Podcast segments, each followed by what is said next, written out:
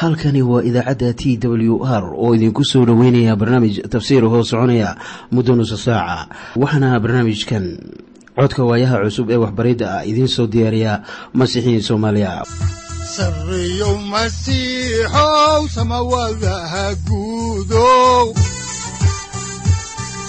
Siraadkii adduunkow subanaha eebow sareyow masiixow samawadaha guudow siraadkii adduunkow subanaha eebow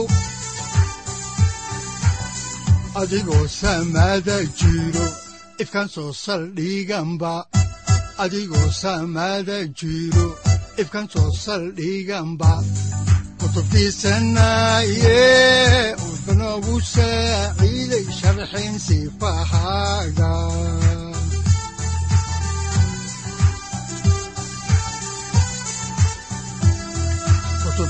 kutubtiisinayo ebanagu saaciid sharxin sifahaaga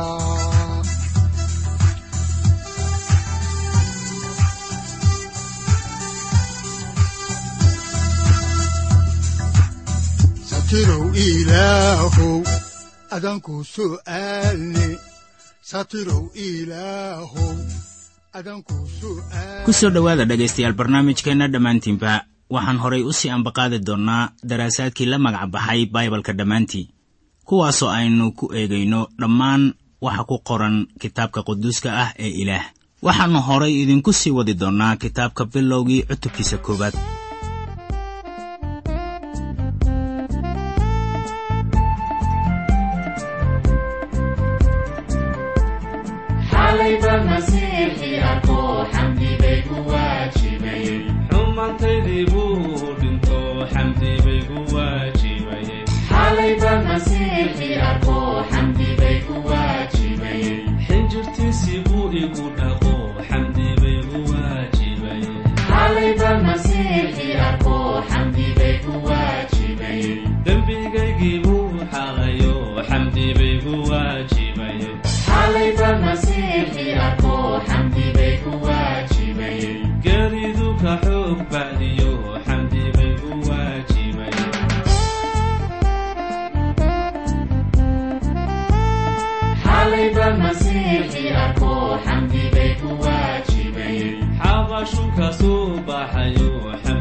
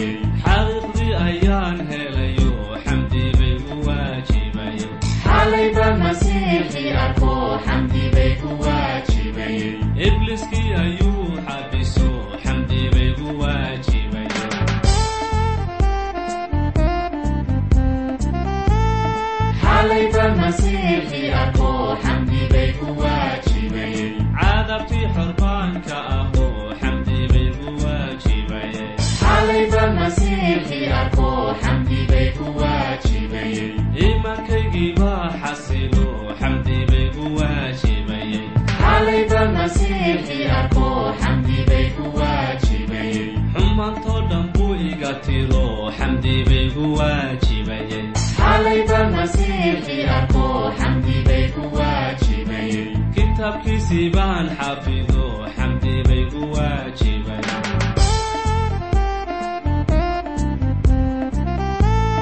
xalaquda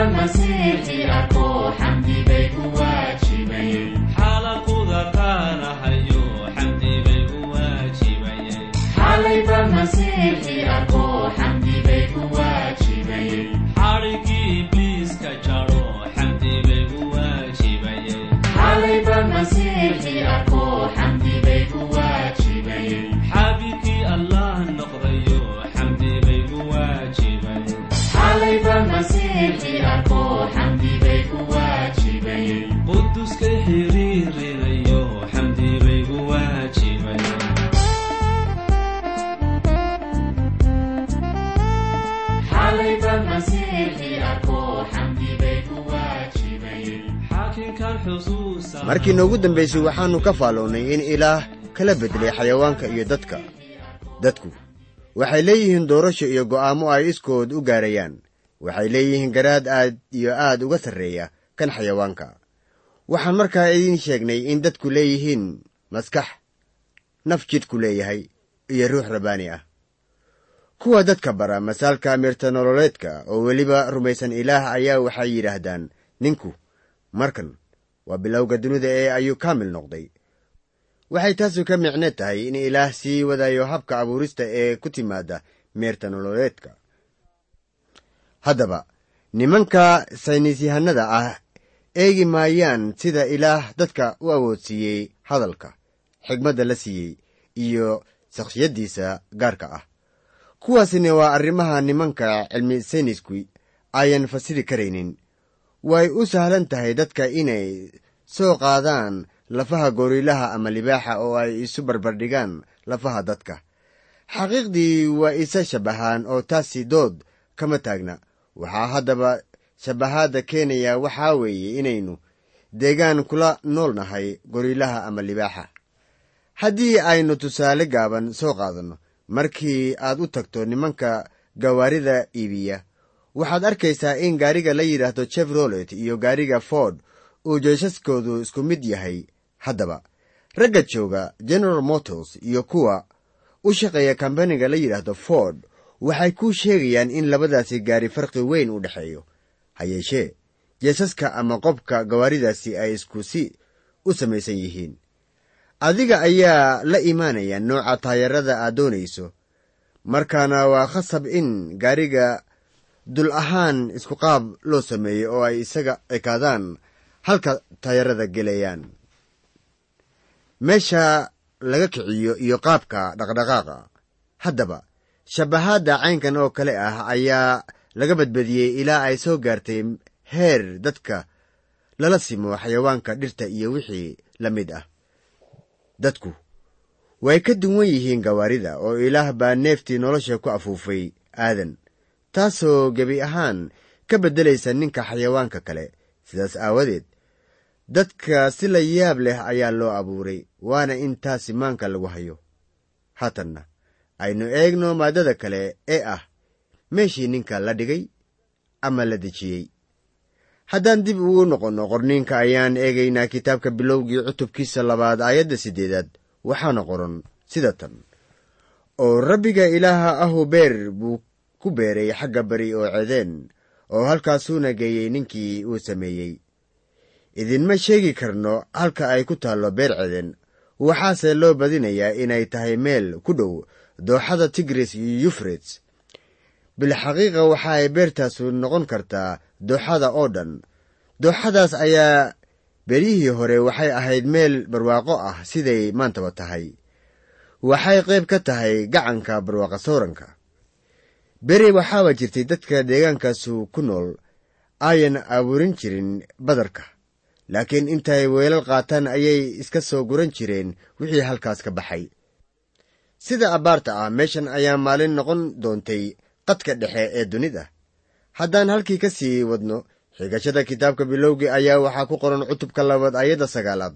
Rabbiga ilaah ahuuna wuxuu dhulka ka soo bixiyey geed kasta oo indhaha u ron oo cunto ku wanaagsan beerta dhexdeedana wuxuu ka soo bixiyey geedkii nolosha iyo geedkii aqoonta wanaagga iyo xumaanta. Haddaba geedahan ma ahan geedo caadi ah waayo waxaa loogu yeedhay geedka nolosha iyo geedka aqoonta wanaagga iyo xumaanta. Wax badan haddaba idinkagama sheegi karo geedkan waayo haatan dunida kuma yaallo oo ilaah baa halkii ka qaaday. Rabbiga ilaaha ahuna wuxuu dhulka ka soo bixiyey geed kasta markaana geedahan way wanaagsanayd in la daawado oo weliba waxay u wanaagsanaayeen cunno ahaan iyo howlihii loo keenayba. Haddaba geeduhu waxay lahaayeen qurux iyo camalba. Labadaas geed waa laysku keenay in wax weliba laga helo ayaa ahmiyaddii beer ceden sare u qaaday. Waxaana ku beernaa geedo kale oo muhiim ahaa waxay lahaayeen siyaabo badan oo loo isticmaalo waxaanay soo saarayeen midho la cuno oo waxtar bay lahaayeen. Waxaa kaloo laga heli karay waxyaabo qurxoon oo kale. Haddaan la eegaynin dhiciddii dadka iyo habaarkii ku dhacay ayaa weli waxaa ii muuqda in dhulku sii koraayo inkastoo ay ka baxaan geedo qodxaan leh iyo yamaarug waxaa haddana muuqataa in dhulkii weli leeyahay quruxdiisii. Haddaan horay u sii ambaqaadno waxbariddeenii ku saabsanayd qorniinka ayaannu eegaynaa kitaabka bilowgii cutubkiisa labaad aayadda tobnaad ilaa afar iyo tobnaad waxaana qoran sida tan. Ceedanna webiba baa ka baxay inuu beerta waraabiyo halkaasuuna ku kala qaybsamay. Wuxuuna noqday afar madax. Kan koowaad magaciisu wuxuu ahaa fishoon. Kaasu waa kan ku wareegsan dhulka xawiilaha oo dhan. Meeshaas oo dahab leh. Oo dahabka dhulkaasuna waa wanaagsan yahay meeshaasuna waxay leedahay bedeliyuun iyo dhagaxyo oo nika la yidhaahdo. Webiga labaad magaciisuna waxaa weeye qixoon. Kaasuna waa kan ku wareegsan dhulka kuush oo dhan. Webiga saddexaad magaciisuna waxaa weeye xidiqeel. Kaasu waa ka cashuur dhankeeda bari mara. Webiga afraad waa yufraad. Webiga kuush ama ethoobiya wuxuu noqonayaa webiga niil. Xidiqeelna wuxuu noqonayaa tigris. Haddaan halkaas ka sii wadno kitaabka ayaannu eegaynaa aayadda shan iyo tobnaad waxaana qoran sida tan. Rabbiga ilaaha ahuna ninkii wuu kaxeeyey oo wuxuu geeyey beer ceedan inuu falo oo dhawro ninkan xukum buu haystay oo xayawaankuna waxay ka jawaabayeen baaqiisa iyo fooridiisa iminkana aynu eegno maaddada ah shuruuddii aadan lagu xidhay innagoo akhrinaynaa shuruuddaas ayaa lagu qoray bilowgii cutubkiisa labaad ayadda lix iyo tobnaad toddoba-iyo tobnaad waxaana qoran sida tan rabbiga ilaaha ahuna wuxuu ninkii ku amray isagoo leh geed kasta oo beerta ku yaal wax baad ka cuni kartaa laakiin geedka aqoonta wanaagga iyo xumaanta waa inaanad waxba ka cunin waayo maalintii aad wax ka cuntid hubaal waad dhiman doontaa. Bilowgii ilaah uguma talagelin in ninku dhinto. Ninka waa loo digay oo waxaa loo sheegay inuu dhimanayo haddii uusan adeecin amarka ilaah. Ninka waxaa la siiyey xorriyad ah inuu go'aansado wixii la gudboon. Marka haddii aad leedahay awooddaas welibana xil baa ku saaran. Waxaana uu lahaa awood ah inuu go'aamo si xorriyad ah u qaato. Waxaana la hordhigay tijaabo ah inuu ilaah addeeci doonay iyo in kale. Qaar baa waxaay moodaan geedka aqoonta wanaagga iyo xumaanta inuu lahaa jiridyo suun ah. Ha yeeshee aniga weligay sidaas ilama ahayn. Waxaanse u malaynayay inay ahayeen midhaha ugu wanaagsan ee beerta ku yaalla. Waxaa qoran waayo maalintii aad wax ka cuntid. Hubaal waad dhiman doontaa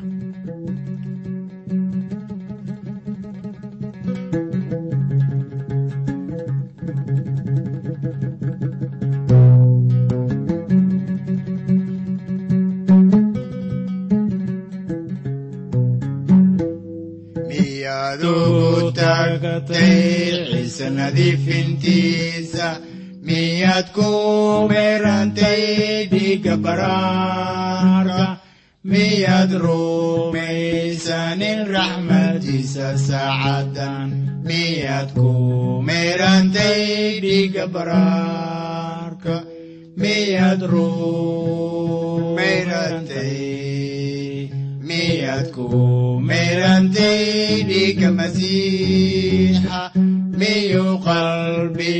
qalbigaagu nadiifsan yahay miyaad ku meerantay dhiiggiisa miyaad u takatay ciise nadiifintiisa miyaad ku meerantay dhiigga baraarka miyaad rumaysanin raxmadiisa saacada miyaad ku meerantay dhiigga baraarka miyaad ku meerantay miyaad ku meerantay dhiigga masiixa miyuu qalbigaagu nadiifsan yahay miyaad ku meerantay dhimashadaasu saddex siyaabood bay u saamaynaysaa ninka. Wuxuuna ka dhimanayaa xagga ruuxa maanka iyo jidhka.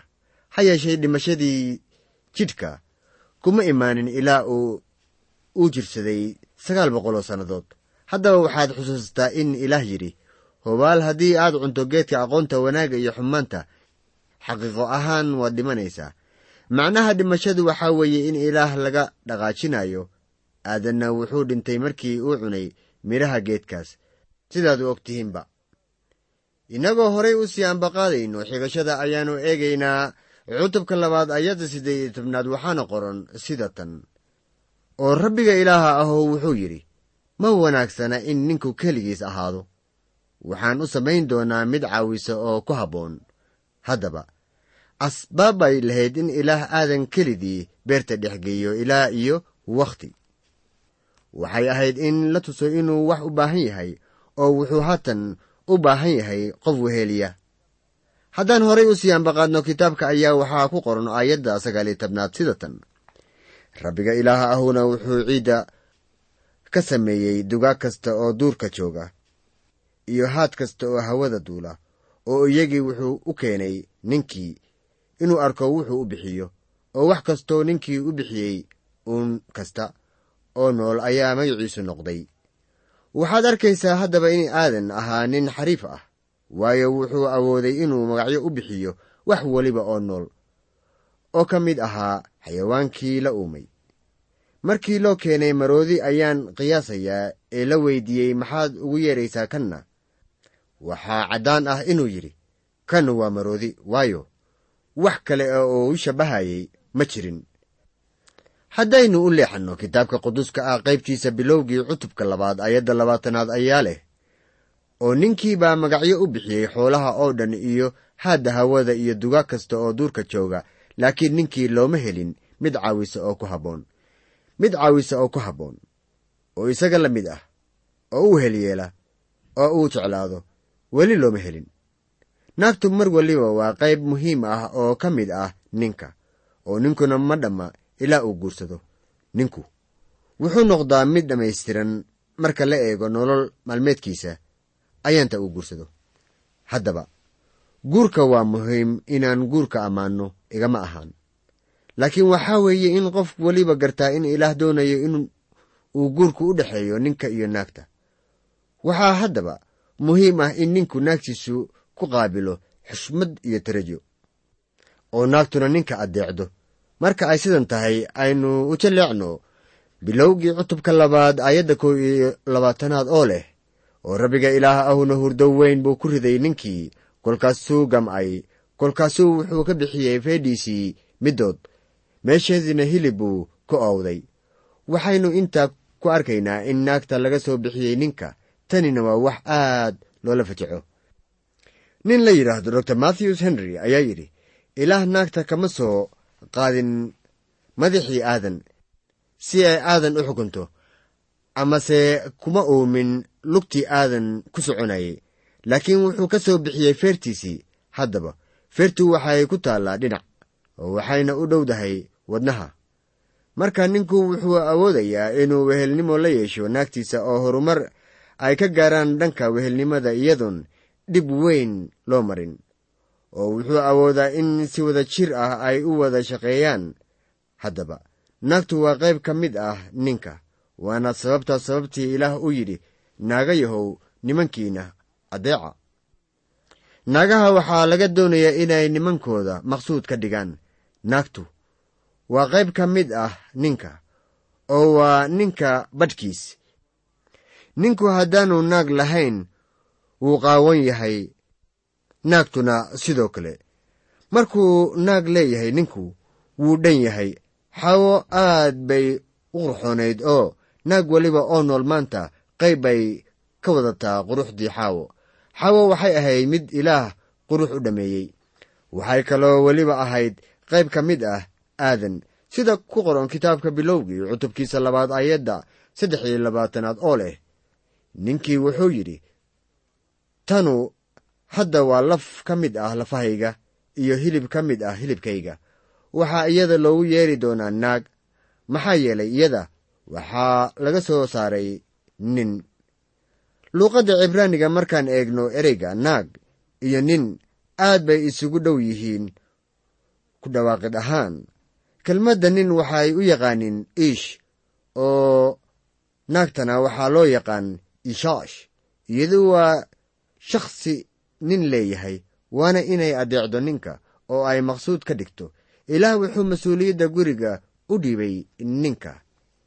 Ilaah markii ugu horreeyey wuxuu uumay ninka. Dabadeetana naagta ayuu uumay. Ninku waa dulmilow naagtuse waa mid adaab badan. Ninkana wuxuu u uumay dabiiciyan inuu ahaado mid xoog badan. Haddaba yaan la iga dhigin in naagtu jeclaato ninka iyadoo ninkii uusan muujinin jacayl ilaah sidaas ma oggola maxaa wacay naagta? Waxaa laga doonayaa un addeecis haddii ninku ku yidhaahdo naagtiisa waan ku jeclahay. Naagtuna waxay ku jawaabaysaa anigu waan ku jeclahay.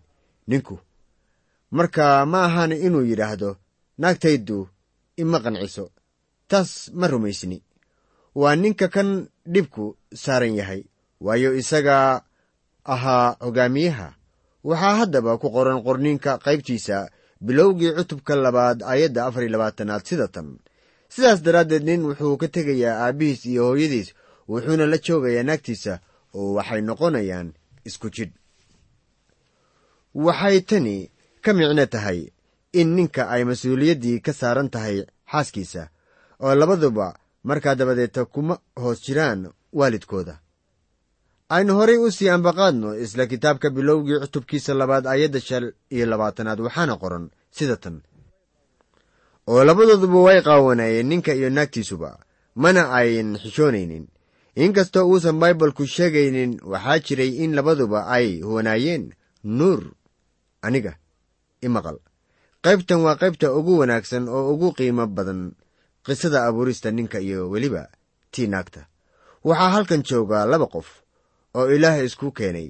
Waxaa haddaba jira waxyaabaha qaar oo ilaah dadka siiyey taasoo ay tahay inay ku addeecaan marka ay samaynayaan oo ilaah dadka wuxuu siiyey guurka dhexmara ragga iyo dumarka.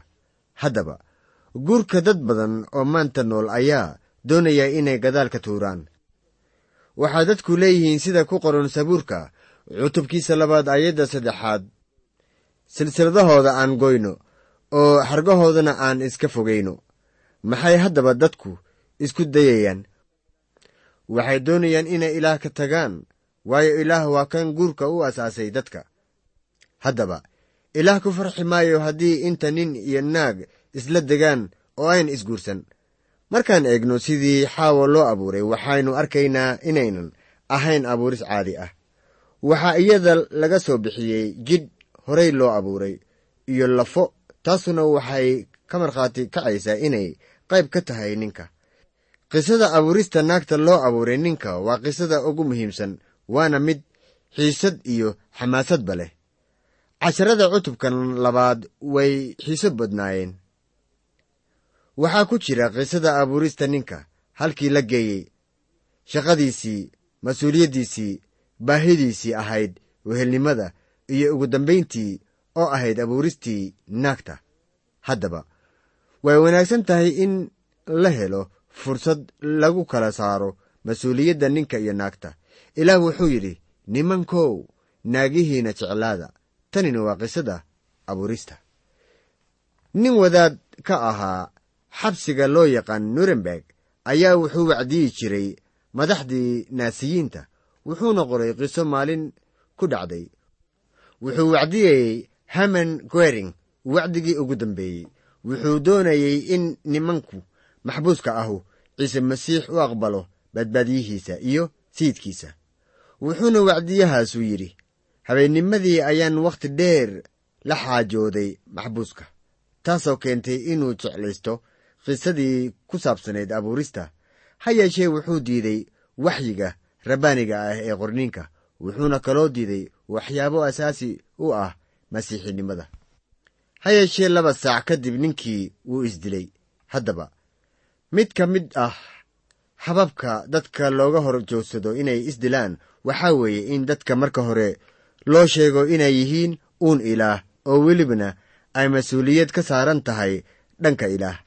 War maxay taasu ahmiyad wanaagsan tahay?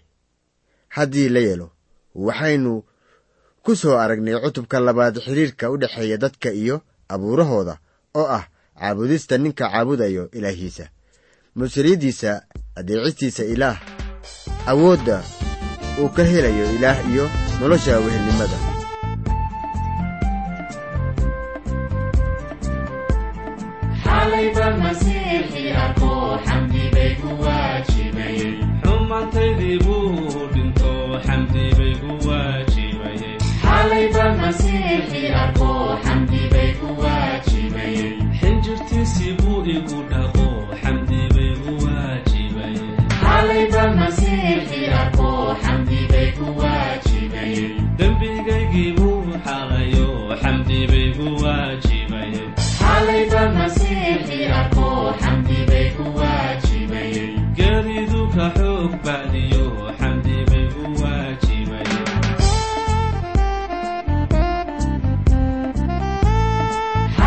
xabashu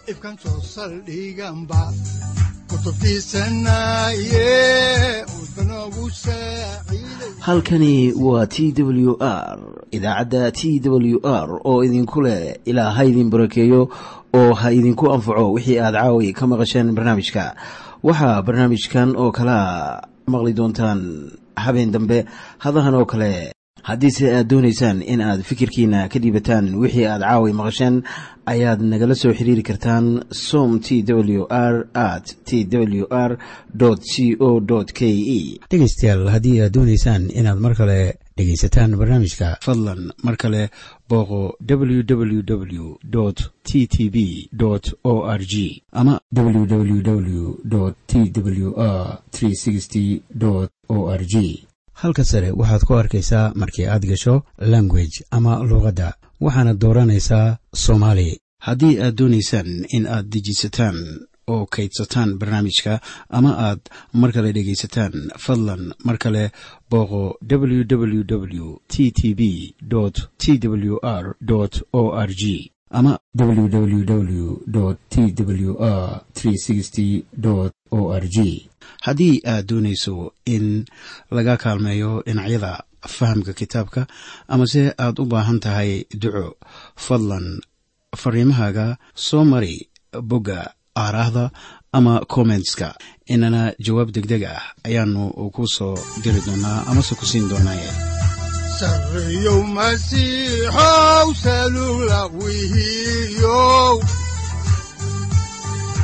saacadda timid dhulka sabada ku dhalatiyo